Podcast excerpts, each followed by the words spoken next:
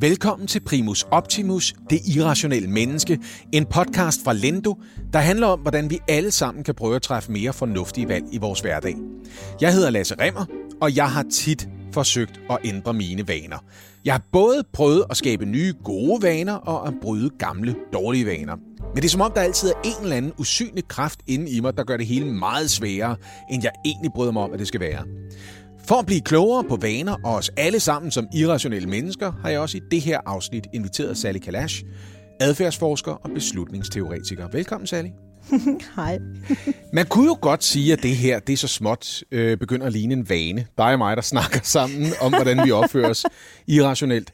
Øhm, og hvis jeg må starte i min egen navle, øh, den kan jeg nemlig nemt nå, så kan jeg fortælle dig, at jeg har prøvet at lægge en vane til i løbet af den sidste uges tid. Mm. Øh, og, og så vil man jo gerne have, at det er en god vane. Mm. Det gør ens liv bedre. De dårlige vaner, altså de kræver virkelig viljestyrke at bryde, men jeg har en oplevelse af, gode vaner kan jeg godt lægge til.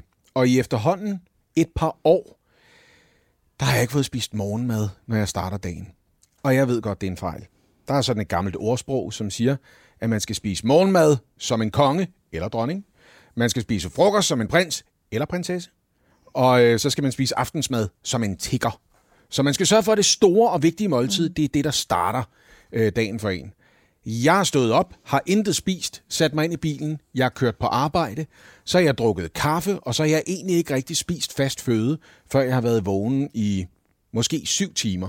Jeg kommer frem omkring klokken 12, og jeg står altså op klokken 5 på hverdage. Hold da op. Jeg ved godt, det er usundt, mm. så jeg besluttede mig for, jeg ved godt, hvad jeg skal have. Jeg ved godt, at det er sundt for mig. Det må jeg se at komme i gang med. Og det er jo bare én lille vane, jeg ved vil være sund for mig, lige at samle op igen. Hvor meget fylder vaner sådan i det hele taget i vores hverdag? Jamen, altså, de, øh, de eksakte tal er omkring 43 procent, så det er rimelig pænt. Det er meget præcist, det der. Ja, så kan man jo så sige, hvis vi betragter tid nærmest som en form for økonomi, så betyder det, at der er en ret stor del af budgettet, der allerede er afsat til ting, som vi bare gør nærmest bare automatisk, eller hvad? Fuldkommen. Ja. Heldigvis for det. Altså, heldigvis for det. Ikke? Prøv at tænke på, hvis du skulle overveje samtlige af de ting, du skulle gøre i løbet af en dag. Det, altså, det vil jo kræve, den, altså, man, man er udmattet inden, at man er kommet ud af sin hoveddør. Ikke? Altså, Forestil dig, du ved, skal jeg børste tænder i dag eller ej? Øh, skal jeg børste tænder med min egen tandbørste eller med min kones? skal jeg, altså, du ved, hvad for noget? Hvilken altså- ende af tandbørsten skal jeg bruge? Den slags? Jamen altså, der, der er jo mange ting, som vi gør, som er dybt automatisk. Altså nu, har du jo, jeg er sikker på, i løbet af de sidste par år, hvor du ikke har spist morgenmad, så har din morgenrutine nok jo mere eller mindre lignet sig selv. Ikke? Fra jo. den måde, hvor du ligger i sengen, mm. hvordan du kommer op, hvad, altså de første ting, du gør. Ikke? Mm. Der er jo utrolig meget, altså det er jo meget rituelt, den måde, vi egentlig lever vores liv på. Ikke? Det fylder meget. Og du har allerede fastslået, at mm. det er også godt. Vi vil blive mentalt udmattet af at træffe hver enkelt beslutning selvstændigt. Mm. Øhm, men altså, hvordan sådan ellers påvirker det os i en god og en dårlig retning, at det fylder så meget i den måde, øh, vi lever vores liv på? Så jeg tror, at det med vaner, det er jo egentlig en ret interessant ting, for vi deler det jo med alle mulige andre pattedyr. Altså, det er jo ikke sådan en ting, det er jo ikke en menneskelig ting nødvendigvis, at vi har vaner. Det er også derfor, det giver så god mening at teste vaner af på rotter. Mm. Fordi de, har, de danner lige så mange vaner. Øhm, så vaner er jo en, en, en væsentlig ting af vores liv, som hjælper os til at repetere nogle handlinger, som får os et bestemt sted hen. Mm. Og ofte starter vaner med, at, øh, at der er noget, vi gerne vil have, som vi på en eller anden måde forsøger at danne en eller anden adfærd omkring. Ikke? Jeg vil gerne have nydelsen af at spise noget slik, eller jeg vil gerne have tilfredsstillelsen af at være i god form, eller jeg vil gerne... Så vaner starter ofte med en eller anden form for mål i sigte, en eller anden reward, eller en eller anden belønning, vi gerne vil have. Og så repeterer vi noget bestemt adfærd. Øhm, og, og det giver rigtig god mening, at, at, at det er på plads, fordi at, øh, at meget i vores liv er jo repetitivt. Altså mm. det, det er jo noget, som vi gentager igen og igen i vores liv. Øhm, så hvis du gerne vil have nogle bestemte ting igen og igen, jamen så har vi jo en tendens til at gøre de samme handlinger for at få det. Ikke? Og når du siger det, så tænker ja. jeg også, at alle de ting, der ligesom er fastlagt af en regelmæssighed, en forudsigelighed og et mønster, mm. det som vaner ender med at blive, mm. øhm, de er jo rent faktisk svære at påvirke med ens bevidsthed. Det er jo nok derfor, der er mange, der har en oplevelse af, at det er så svært at bryde dårlige vaner mm-hmm. eller tillægge sig gode vaner. Mm. Det er ikke bare noget, man kan gøre med viljestyrke og bevidsthed alene. Altså, mm. hvad, hvad er det sådan groft sagt for ting, som typisk kommer til at mangle, hvis man sætter sig noget for, sådan som jeg har gjort? Ja, altså, det, det er jo egentlig ret sjovt omkring vaner, fordi hvis jeg lige stiller dig den anden spørgsmål, inden jeg lige svarer på dit, ikke? hvis jeg mm. lige stiller dig et spørgsmål, hvordan, nu, nu skulle du danne en vane, mm. hvordan tænker du omkring det? Tænker du, jeg skal have noget viljestyrke til, eller altså, hvordan er det, du egentlig går til den? Hvordan, hvad tænker du, en vane er egentlig? Hvis det er en god vane, jeg gerne vil tillægge mig, mm. så tænker jeg ved mig selv, det her, det vil være en god beslutning for mig, og så ligger der allerede måske kimen til at bebrejde mig selv, at jeg ikke har gjort det for længst, øh, mm. og en irritation over, at jeg ikke får gjort det. Og så er der også en ting til, jeg har en vag fornemmelse af, at jeg gør. Jeg har en oplevelse af, at hvis det ikke lykkes sådan, som jeg har lovet mig selv 100%, så lykkes det 0%. Så hvis jeg for eksempel tænker, og det er en ting, jeg tænker, jeg skal op klokken 5, det vil være en god idé, hvis jeg går i seng inden klokken 10. Men hvis klokken bliver over 10, så er det egentlig lige meget, om den også bliver 11 eller 12. Mm. Altså, du mm. ved, den der, nu har jeg åbnet chipsposen-effekt, ikke? Mm. Jeg efterlader ikke en halv pose chips. Den er også svær at lukke igen, jo. Ja, altså. ja, de bliver bløde. Og ja, det, det. Jamen, jeg gør det også for chipsenes skyld. Det skal vi da lige huske på. Det er jo bare spild, ikke? Prøv at tænke. Altså. Ja, så det var et lidt langt svar på, at, at mm. den ene del, det er, at der ligger noget dårlig samvittighed, ja. selv i forsøget på at få en god vane. Og derudover så ligger der sådan en oplevelse af, at hvis jeg ikke kan 100% hvad jeg har sat mig for, mm. så risikerer jeg at runde helt ned til 0, mm. i stedet for bare at sige, så gør jeg det så tæt på, som jeg kan. Ja. Men det interessante er også, det der jo sker, for du, du nævnte også selv, vaner er lidt ubevidst. Ikke? Det er sådan noget, det er det der automatiske, vi gør. Men det øjeblik, hvor du går hen og har brudt en vane, så starter du jo en tankeproces. Du begynder mm. at tænke over, hvad du gør. Og tanker er faktisk især i forhold til gode vaner, så er tankeproces, det er, at vi begynder at blive refleksive omkring det. Det er simpelthen gift for vaner. Der var, jeg, jeg lænder mig meget op af en forsker, der hedder Wendy Wood. Hun skrev, at hun er nok en af de førende inden for feltet, og skrev en bog, der hedder Good Habit, Bad Habit. Mm. Og hun siger, jamen det interessante for vaner er, også når vi går ind og, og scanner en hjerne, det ligger jo Vaner ligger utrolig langt væk fra vores frontallapper, fra vores altså precortex. Øhm, og det er der en rigtig god grund til, fordi det øjeblik, vi har fået en vane, så skal man nærmest se det som en computer, hvor der er sådan de der admin-files, ikke, som man ikke kan tilgå. Det er sådan kroppen, altså hjernen forsøger at beskytte sine vaner fra dig som person. Mm. De skal ligge der som sådan en, du ved, bag et filter, og du kan ikke rigtig nå hen til det. Og det er også derfor, vi, så, vi er så ubevidste omkring langt de fleste af de vaner, vi har. Ideen er, de skal kunne operere uden, altså med minimum kognitiv kraft. Mm. Og hvis vi engang har gjort det, og, og gjort det nogle gange, så antager vores hjerne, det her det er nok den måde, vi skal gøre for at opnå et bestemt resultat, så pakker den det ind i sådan en eller anden form for, hvad hedder det, ubrydelig mur. Og så ligger de så derom, væk fra vores kognitive processer i hjernen. Hvilket gør det ret interessant i forhold til vaner. Hvordan er det, de egentlig opstår? Hvordan kan vi egentlig gå til den? Sally, vil du ikke øh, for mig prøve helt grundlæggende at udlægge vanens anatomi. Hvad er de grundlæggende byggesten? Altså hvis vi tager, lad os tage en vane som en, en, en formel, sådan en matematisk formel. Mm. Et af ledene i det her, det er belønning, det er reward. Og den har du. Du har en bevidsthed om, hvis jeg gør sådan, så får jeg det her. Ikke? Så rewarden er i hvert fald en del af det. Et andet element, som vi ofte glemmer, det er kontekst. Okay.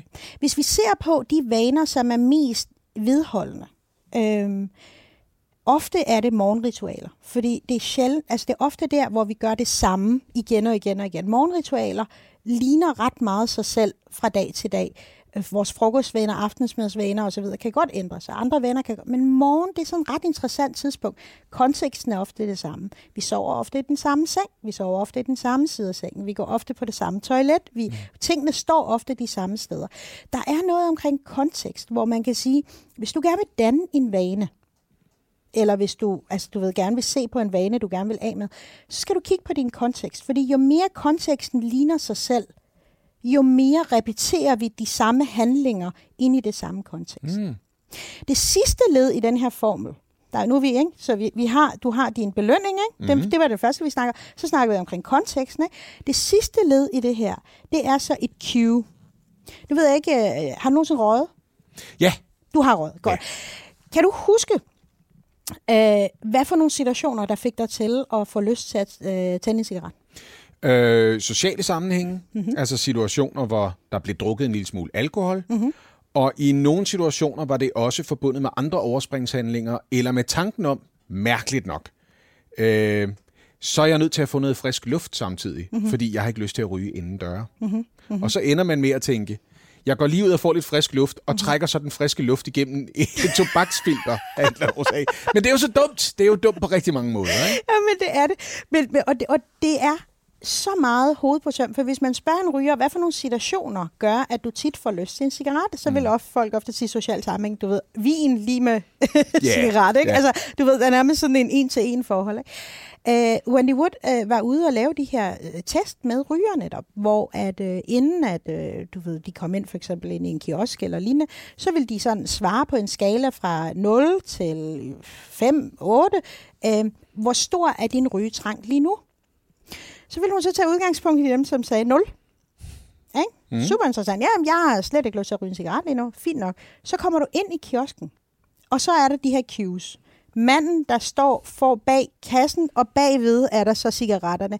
Det øjeblik, du ser cueet, det er den situation, jeg sidst købte en cigaret i, gjorde, at du gik fra 0 til max.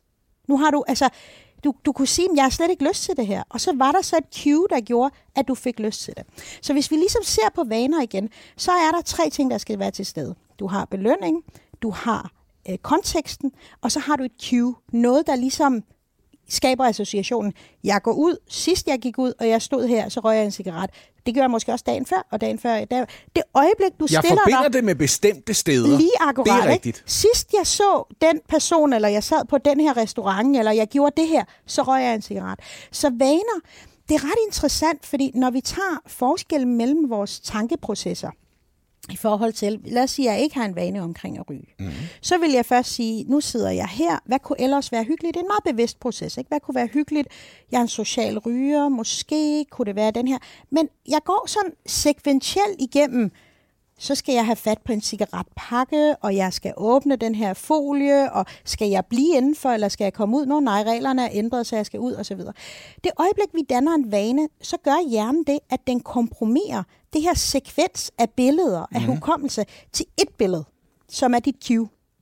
Så det øjeblik, du oplever cueet, så træder vanen frem, så du minimerer enormt meget tankeproces vi igen giver super meget mening. Vi, altså, altså vi er, jo er vi helt tilbage ved, nu spørger jeg jo igen, som jeg altid gør som lægeperson, er vi helt tilbage ved adfærdsforskningens bedstefar Pavlov og, og ringe med klokken, så kommer vi og spiser, eller hvad? Åh, oh, altså, ja, ja, ja. ja. ja men, men altså, vi, vi, er ikke, vi er ikke dygtigere end, mm. end andre pattedyr på det område, eller hvad? Jamen, det, altså, vaner er jo et pattedyrs øh, karakteristika. Okay. Det, det, det, vaner er jo det, som, som, som altså gør, at vi har kapacitet til alle mulige andre ting. Men vaner kan jo også godt være negative jo. En vane ja. kan jo også godt holde os fra de mål, vi har sat os. Hvor vi kan sige, at jeg har et bestemt mål, eller min belønning er, at jeg gerne vil være slank. Lad os lige vende ja. tilbage til det. Eller min belønning er, at jeg gerne vil være røgfri og have nemmere ved at trække vejret. Ja. Men Problemet er, jeg har ikke rigtig ændret ved de to andre ting. Konteksten. Jeg møder stadig, jeg dukker stadig op på den samme flise sammen med de andre yeah. ryger, ikke? Eller jeg kommer, altså der er stadig masser af slik inde i mit slikskab og så videre, ikke? Yeah. Så din kontekst og dit cue har du ikke ændret særlig meget ved. Og det er også derfor, hvis man skal se på, hvordan skal du ændre vaner, så bliver du nødt til at se på din formular, mm. og så se på, hvad kan jeg ændre her? Kan jeg ændre på belønning? Er der en anden belønning, jeg kan lægge ind? Så begynder vi forfra igen med den bevidste proces, som langsomt skal blive automatisk. Skal jeg ændre på konteksten? Kan jeg gå et andet sted hen? Jeg behøver ikke at gå ned til den flise, kan jeg gå et andet sted hen? Ikke? Eller kan jeg ændre i mine cues? Og det er ret interessant, cues kan være en lidt vanskelig ting. Men det sidste, hvor vi har set på sådan en samfundsmæssig plan, at cues er blevet ændret, det er jo omkring cigaretkampagner. Mm. Der var jo en gang, hvor Marlboro-manden han fyldte ja, ja, ja. utrolig meget, ikke? Ja. og du ved, cigaretter, det var et toasted, og det fyldte rigtig mange steder. Ja, ja. Men vi har jo ændret utrolig mange cues omkring cigaretter, der gør mange af de situationer, hvor vi normalt ville blive primed til at tænke, nu skal jeg tage en cigaret. Mm. De er væk. Jeg begynder at få en fornemmelse af, at den mm. formular, du taler om, mm-hmm der skal jeg kigge på flere steder, jeg kan lave den om, og hvor lidt jeg kan mm-hmm. ændre elementerne. For jeg tror, at mit projekt med at prøve at komme i gang med at spise sundt igen, mm-hmm. det har lidt været mig, der står og prøver at mase en ny bog ind i en fyldt reol. I stedet for at tænke for eksempel, kan jeg pille en bog ud? Mm. Kan jeg lægge den oven på de andre bøger? Har jeg måske endda en anden reol et sted, hvor der er plads til en ny bog? Mm. Øhm, og lad mig forklare det på den her måde. Den første morgen, jeg stod op og havde besluttet mig for på forhånd, nu har jeg tænkt mig at spise sund morgenmad. Øhm, der har jeg en række ambitioner, kan jeg se i bagspejlet. Jeg vil nå at spise hele det måltid, jeg har sat mig for, og det skal være det måltid, jeg kan huske, jeg havde gode erfaringer med. Og der er mange mennesker, der vil synes, det er mærkeligt, det her. Men sidst jeg var tæt på at være i sund form, det er nogle år siden, jeg forbinder det med, at jeg stod op, og så spiste jeg spidskål og måske kylling eller rejer. Så jeg fik noget animalsk protein, og jeg fik nogle kulhydrater, som man fordøjer langsomt. Og det gav mig så meget energi, så god samvittighed, og jeg var meget slankere og sundere dengang. Så der var mange gode ting med det. Her er problemet med det måltid. Det tager lang tid at spise sig igennem spidskål. Altså, det er, ikke, øh, det er ikke en croissant og en kop kaffe, vel? Man kan ikke lige hapse det ned i bilen eller noget. Det kræver, det er næsten et projekt at spise det måltid. Ja. Og så gik det op for mig, at hvis jeg øh, ikke kom op et kvarter tidligere, så havde jeg allerede opgivet at få spist det måltid, og jeg erstatter det ikke for eksempel med at spise et æble i stedet for. For det havde jo også været en forbedring i forhold til slet ikke at spise noget. Så i stedet for, så ender jeg med at snuse to gange, så står jeg op og så tænker jeg, Nå, men så bliver det i morgen. Og det skete de to første morgener. Hvad så kan ud, jeg... ud af fem dage, kørte du den tre dage? Det kan vi lige vende tilbage okay. til. Jeg kan fortælle dig, at de første to morgener, øh, der valgte jeg et kvarters dårlig søvn over et kvarters god morgenmad. Okay. og, øh, og jeg følte mig lidt som en fiasko, fordi det er det værste, jeg ved, når jeg prøver at starte en god vane. Det er, når jeg ender med at tænke, jeg gør det om lidt. Jeg kan ikke lide at skubbe den foran mig, og alligevel gør jeg det igen og igen. Mm. Så hvad er det for nogle knapper, jeg overser øh, øh, og, og trykke på? Hvad er, det, hvad er det for nogle ting, jeg kunne dreje på der? Mm. Altså, skulle jeg bare have spist et eller andet andet i stedet for, som ikke var helt så sundt, men trods alt bedre end ikke at spise noget? Ja, jeg tror, at, at det allerførste, du skal... Øh, lad, os, lad os lige gå til, gå til den del, hvor du har en idé omkring, at du skal udøve ret meget viljestyrke for at spise den her morgenmad. Mm. Du har utrolig høje ambitioner omkring din morgenmad. Du planlægger ud fra best case scenario. Det er alt eller intet. Det er alt eller intet. Men, men dit alt er, altså det, det, det er et meget ambitiøst scenarie. Mm. Ikke? Du skal, altså du, der skal, du ved ikke, og, og spidskålen er måske ikke engang den, den skal der... snittes. Den skal nemlig... Og det, det havde engang... jeg ikke lige kræfter til i går aften, nej. så det skal jeg også sætte tid af til at gøre. det er ikke det der forsnittet fra nemlig, vel? Det er det der, nej, du skal selv... Nej, nej, jeg har købt det selv, så jeg kan se, ja, ja. hvad det er for et spidskålshoved, ja, ja, ja, jeg har købt. Ja, og det er lige før, du ryger selv din laks, eller hvad det var. men altså, men så, så det, det er i hvert fald det første, at du lægger utrolig meget friktion ind i dit system. Og jeg tror, det er det, man skal tænke på omkring vaner. Gode vaner er, hvor din kontekst har næsten ingen friktion. Din kontekst skal ikke skabe friktion for din gode vane. Det kan godt være de første gange, at du skal øve dig i, at så skal vækkeuret starte, du ved, sæt, sættes i kvarter tidligere. Skal du så gå i tidligere, et kvarter tidligere seng aften før, eller hvordan det er. Og her kan man sige, nogle gange kan det godt være en, noget, der arbejder imod, at man har en partner. Andre gange, så kan det være, at man kan finde nogle systemer, hvor det kan arbejde med at man sætter sig sammen og finder ud af, hvordan kan det her lade sig gøre, helt praktisk. Hvornår skal man i seng? Er det sådan, at du ved, skal der rykkes rundt på den måde, I ligger i seng på? Eller hvad det nu engang er. Man skal simpelthen gå til sin hverdag igennem og så se, hvor ligger friktionen. For jo mere friktion du lægger ind, jo mere kan du være sikker på, at du ikke, du ikke når dit mål. Det er skægt, du siger det. Mm. Fordi den første morgen, det var morgen efter en aften, hvor min hustru havde lavet mad til os. Hun havde lavet frikadeller og sorteret hvidkål og hun har stået og finsnittet hvidkålen. Og jeg kunne have sagt til hende, mens hun stod og lavede det, lægger du ikke lige en håndfuld til side til mig til morgen mm-hmm. tidlig? Mm-hmm. Men det gjorde jeg ikke. Mm. For jeg tænker ved mig selv, ah, så skal jeg bede hende om at tage særlige forholdsregler for mig. Og mm. Det er allerede for meget arbejde. Jeg klarer det bare selv. Der er jo stadigvæk noget hvidkål tilbage inde i mm. køleskabet. Det snitter jeg selv i morgen tidlig. Mm. Og så sker der det der, hvor jeg to gange trykker på snusknappen. Og så er hele planen skrevet. Så sker der ikke noget. Ja. Men jeg kunne jo have brugt hende ved den lejlighed. Lige at sige, du har allerede snittet noget hvidkål. Snitter du ikke lige videre, ja. så er du sød. Og ja. så tager jeg lige lidt. Ja. Jeg tror, det er virkelig, og, og det, det er simpelthen så korrekt det her, at du er allerede inde omkring, der er noget friktion, der skal fjernes. Fordi det øjeblik, hvor der er friktion inde i det her system, hvor der er noget ekstra, du skal gøre for at endelig komme derhen, hvor altså, du kan opfylde dit mål, så er du allerede i gang med at, at fjerne dig selv fra det. Det er egentlig sjovt. Der er det her eksperiment, som jeg kan forklare. Der, man vil gerne se på, hvordan man kunne ændre folks vaner. Øh, de vil gerne, man vil gerne have, at der var flere, der ligesom tog trapperne i den her virksomhed, og alle gik ind i elevatoren. Ikke? Og alle mulige kampagner, hvorfor er det så sundt, og du ved, bevæge sig mere vi ved jo godt, det er jo ikke ofte, når vi har dårlige venner, er det jo ikke fordi, at vi tænker, gud, jeg vidste ikke, at flødekager, det gjorde mig tyk. Altså, det er jo ikke der, den, altså skoen trykker. Vi har jo ofte en idé omkring, hvad den rigtige handling. Det er bare rigtig svært at gøre, fordi vi ofte er i de samme kontekster, hvor vi vil spise den der flødekage. Og vi belønning er, at det er hyggeligt, og det er socialt. Det er og derfor, det... der ligger jo også en belønning i den vane, man ikke bryder, eller det, ja, man ikke ja. erstatter. Det er jeg godt klar over. Helt Jeg, jeg drikker jo ikke kaffe, jeg ikke kan lide, i stedet for at spise den morgenmad, jeg burde få, vel? Jamen nemlig. Men her, du ved, der er masser af irritation ved at skulle gå op ad de der trapper. Det gider man ikke. Og det er så nemt med den der elevator.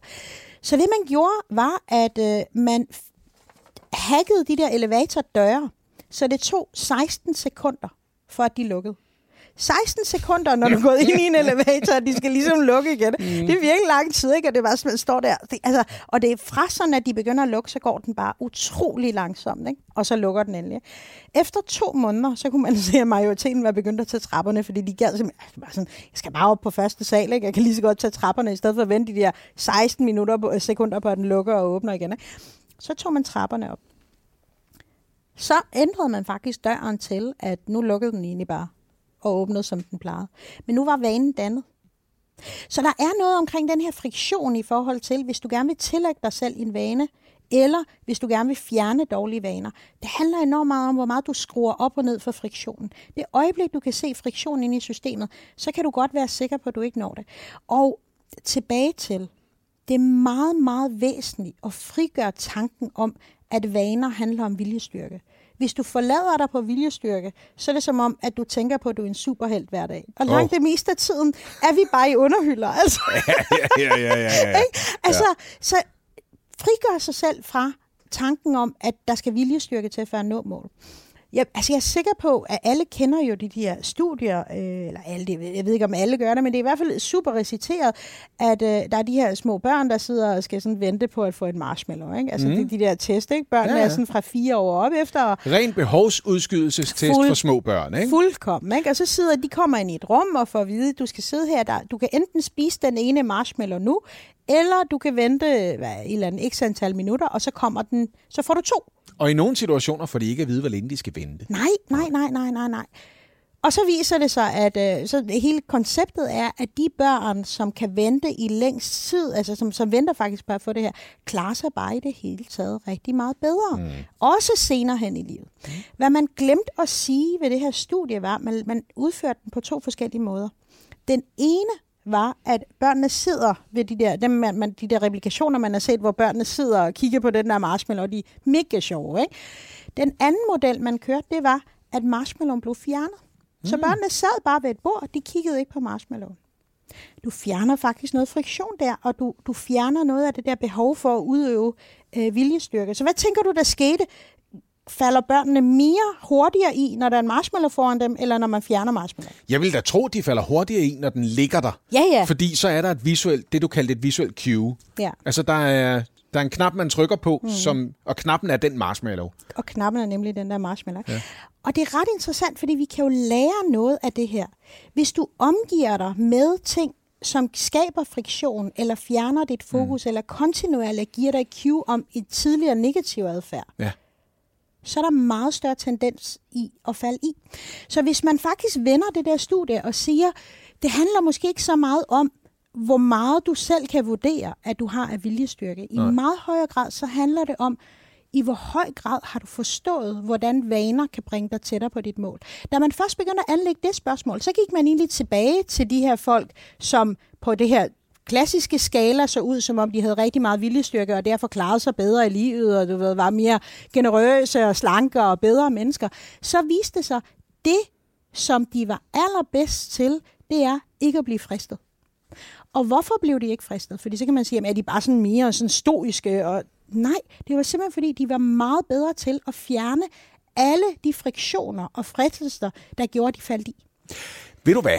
Da jeg for fem år siden mm. var i mit livs form i øh, en periode mm. på fire til seks uger, mm. føltes det som lige da det toppede, ikke? Altså lige der, hvor jeg tænkte, nu er jeg ved at være der, hvor jeg gerne vil starte, mm. og så gik det stejlt ned ad bakke. Kærligheden blev vigtigere, og så videre, mm. ikke? Øhm, der kan jeg huske, at de, der lærte mig, hvordan jeg allerhelst skulle gøre, mm. hvordan jeg skulle bevæge mig, hvordan jeg skulle spise osv., øh, de fortalte mig, det er sådan nogle personlige trænere og mm. den slags. Ikke? Og det, som du kan se, det er et stykke tid siden.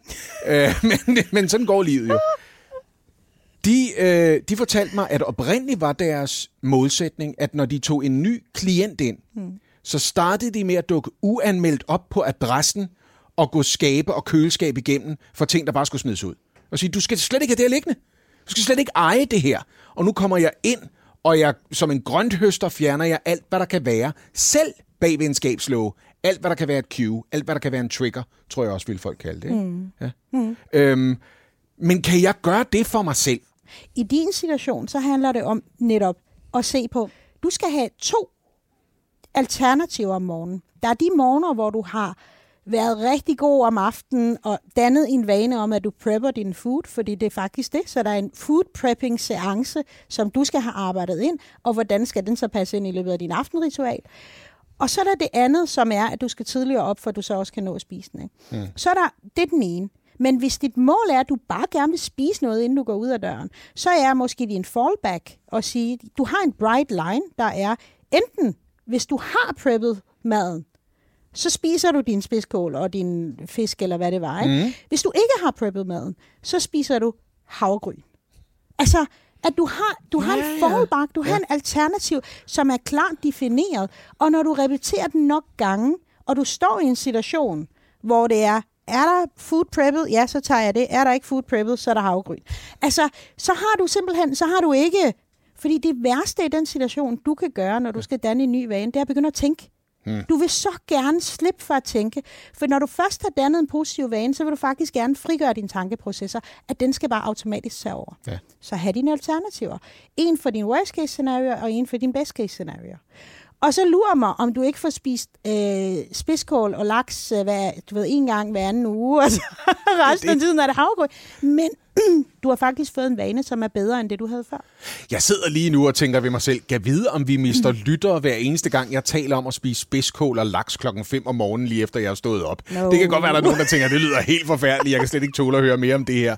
Ved du hvad, det bringer mig frem til en anden ting. Når jeg opdrager mine børn, så gør mm. jeg mig umage med at rose den adfærd, jeg gerne vil se mere af, øh, eller de tanker, de har om sig selv, som jeg håber, at de vil have flere af, snarere end at kritisere eller bebrejde dem for adfærd øh, eller tanker, som jeg tænker øh, er dårlige for dem. Fordi jeg er godt klar over, at belønning virker bedre end straf.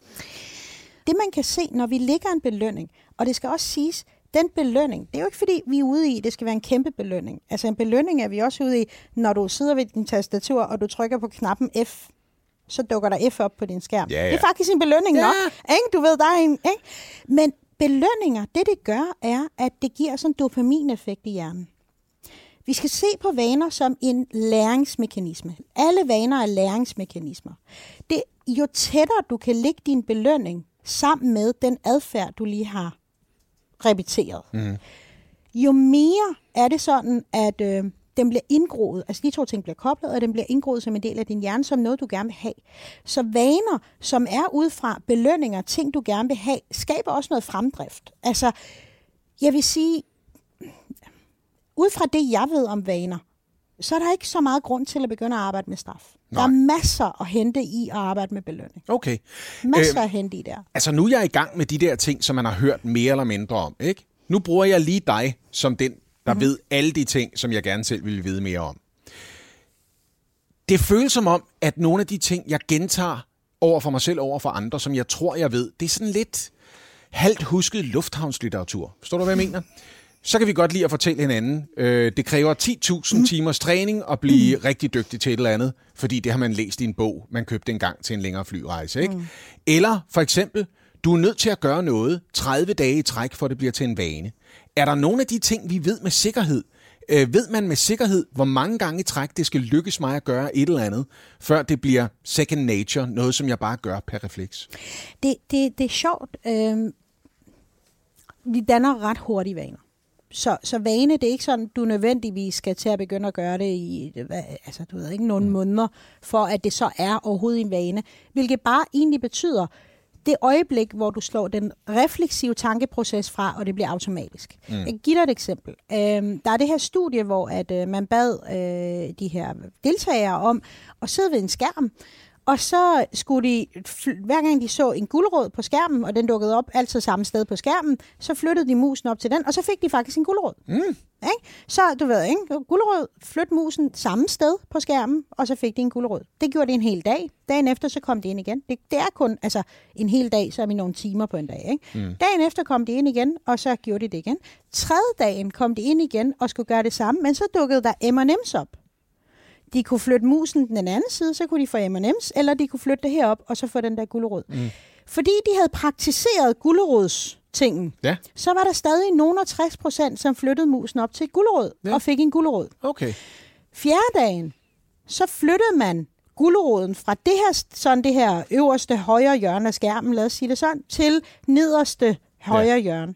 Nu var der majoriteten, som valgte M&M's, fordi du har flyttet placeringen af gulerod. Nu er det ikke længere en automatisk mm. proces. Nej. Så det er ligesom det første at sige, en vane behøver ikke at tage frygtelig lang tid om at blive dannet. Okay. Men når vi så er tilbage i, hvad gør en vane bliver ved? Ja. Det er jo det, der er vigtigt. Okay? Ja, ja, fordi nytårsforsætter mm. og så videre fortæller os, vi falder af hesten jo. Det er jo yes. Det. Hvad gør en vane bliver ved? Der er det sådan, jo flere gange vi har gentaget det, det er jo mm. igen en læringsmekanisme som, og jo flere gange vi gør det, jo mere graver vi de her grave, som de her veje kanaler ind i vores hjerner, der på en eller anden måde kobler en bestemt adfærd til en bestemt belønning. Så jo mere vi gør det, jo mere altså indgroet bliver det i vores tankeproces. Det, altså man kan jo nærmest scanne det i hjernen og se, hvad det er for nogle vaner, vi har. Ikke? Så der er det ret interessant. Jo mere vi gør det, jo sværere er det at bryde dem. Ja, okay. Hmm? Ja, det kan jeg godt se. Hvis jeg skal bringe os frem til og med i dag, når det gælder mit forsøg på at komme i gang med at spise en sund morgenmad hver dag igen, så har jeg næsten ikke lyst til at tale om det. Fordi det er ikke lykkes en eneste gang. Det er ikke lykkes mig en eneste gang, og hver aften har jeg sat mig for, at jeg gør det i morgen tidlig. Og en af de ting, som har ærget mig, det er, at jeg har ikke engang formået sådan at kigge tilstrækkeligt langt frem i tiden og vurdere, altså ville det have været nemmere at begynde for en lille uge siden, havde jeg større overskud der, fordi jo tættere jeg er kommet på, at du og jeg mødes her, øh, jo mindre overskud har jeg følt, jeg har haft.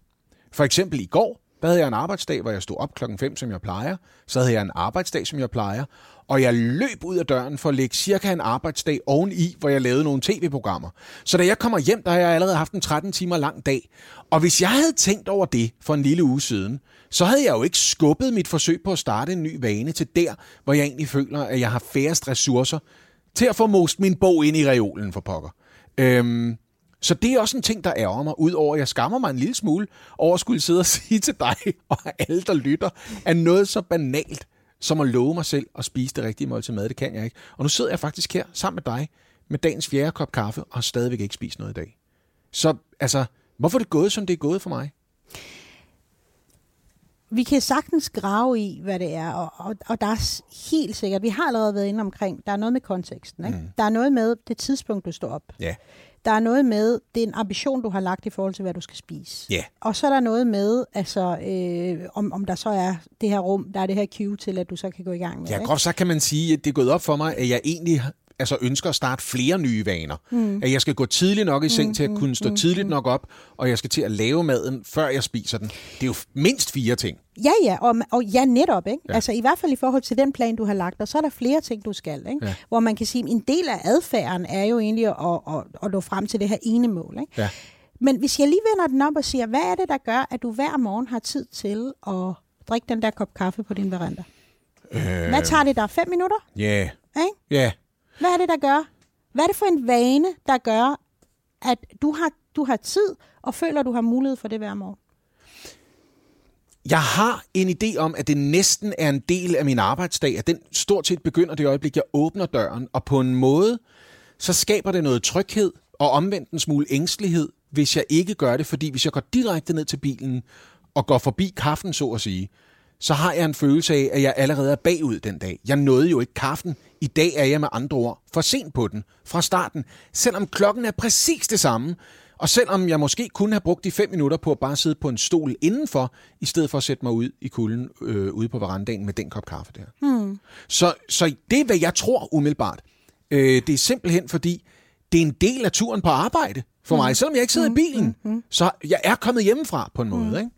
Og det er jo sjovt, fordi noget af det er jo noget af den meningsunivers, du har lagt omkring den vane, som er, du ved, du vil opleve en indre, øh, hvad hedder det, anxiety nærmest, hvis ja. du ikke når det. Ikke? En lille smule. Men noget andet er jo også, der er noget bestemt handling, du har gjort for at gøre det muligt. Mm. Du er faktisk stået op fem minutter før. Og kaffemaskinen har kaffen lige ved siden. Du skal ikke til at begynde at lede. Du skal ikke altså, du vil male din kaffe først. Og jeg har tre ikke... komplicerede kaffemaskiner, men vi, vi kører stadigvæk elkedel og frysetørret kaffe, yes. så jeg kan lave det på stedet. Lige ja. nøjagtigt, ikke? Så du har faktisk planlagt til din worst case scenario der, ja. og det er, du har ikke tid til at male din kaffe, nej, nej, nej. og du har ikke tid til at stå der, og så skal den stå i hver 10 minutter, før den ligesom... Den er instant, du. Den er instant, ja. Så jeg vil sige, hvad nu hvis du gjorde sådan? I stedet for at tænke på, nu står du op klokken 5, Mm. Og tanken om at skulle stå op klokken 4.45 får det bare til at gyse ind i mig. Men det lyder også, som om jeg næsten er stået op en time tidligere, for jeg starter med at sige 4 i stedet for 5 jo. Nej, ja. det, det, det er forfærdeligt. Ja. Så hvad nu, hvis du gjorde det sådan, at der, hvor du handler ind, så får du fat på det sundeste brød, du kan. Om mm. det så er, men det skal være ret tilgængeligt, ikke? Du er alligevel ved at shoppe, så tager du proteinbrødet, eller hvis der er nogen, der har et eller andet, hvad ved jeg, glutenfri, et eller andet. Rugbrød. Mm. Ja. Fantastisk, ikke? Der, hvor du står med din kaffe. Så har du det der skive brød, og så propper du en skive ost på. Hmm.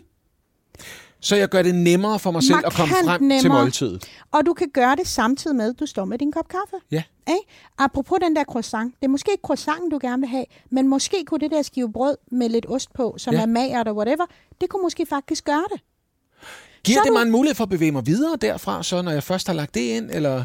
Altså man kan jo sige, Nå, fordi du, du vil gerne ud til dit ultimative mål. Det er jo det, jeg tænker jo ved mig selv. Det der, det lyder som det der, hvor man rejser sig op fra sofaen, løber sin første tur nogensinde, og har en modsætning om at kunne løbe 5 km. Men i baghovedet, der ser jeg mig selv med en medalje fra et halvmarathon ah, om halsen. Ikke? Godt. Jeg tror, her så vil jeg nok tænke i, fordi man siger, der hvor du kan danne nye vaner, det er der, hvor du har mest kontrol over din ja. tid. Ikke?